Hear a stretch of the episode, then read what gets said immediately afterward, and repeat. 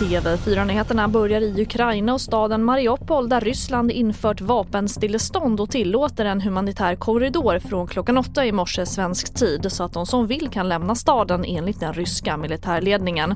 Staden Mariupol har varit omringad av ryska soldater i flera dagar. Och mer om det här kan du se på tv4.se. Och Finlands president Sauli Niinistö och USAs president Joe Biden hade igår ett möte i Washington för att bland annat diskutera kriget i Ukraina och ett utvecklat försvarssamarbete mellan Finland och USA.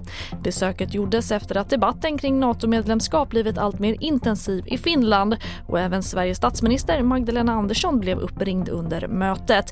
Här hör vi vår utrikeskommentator Ritva Rönnberg.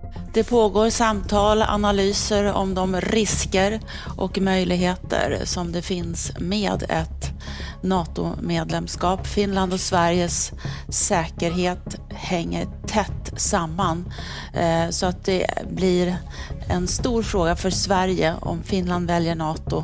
Eh, då måste Sverige också överväga detta. Och här hemma hittades en man i 30-årsåldern vid halv tolv-tiden i natt ihjälskjuten i en bil i Brandbergen söder om Stockholm beskriver polisen på sin hemsida. Polisen larmades till platsen efter att boende hört flera smällar. Polisen söker nu vittnesuppgifter och går igenom övervakningskameror. Flera personer har även kontrollerats under natten men ingen har gripits. TV4-nyheterna, jag heter Charlotte Hemgren.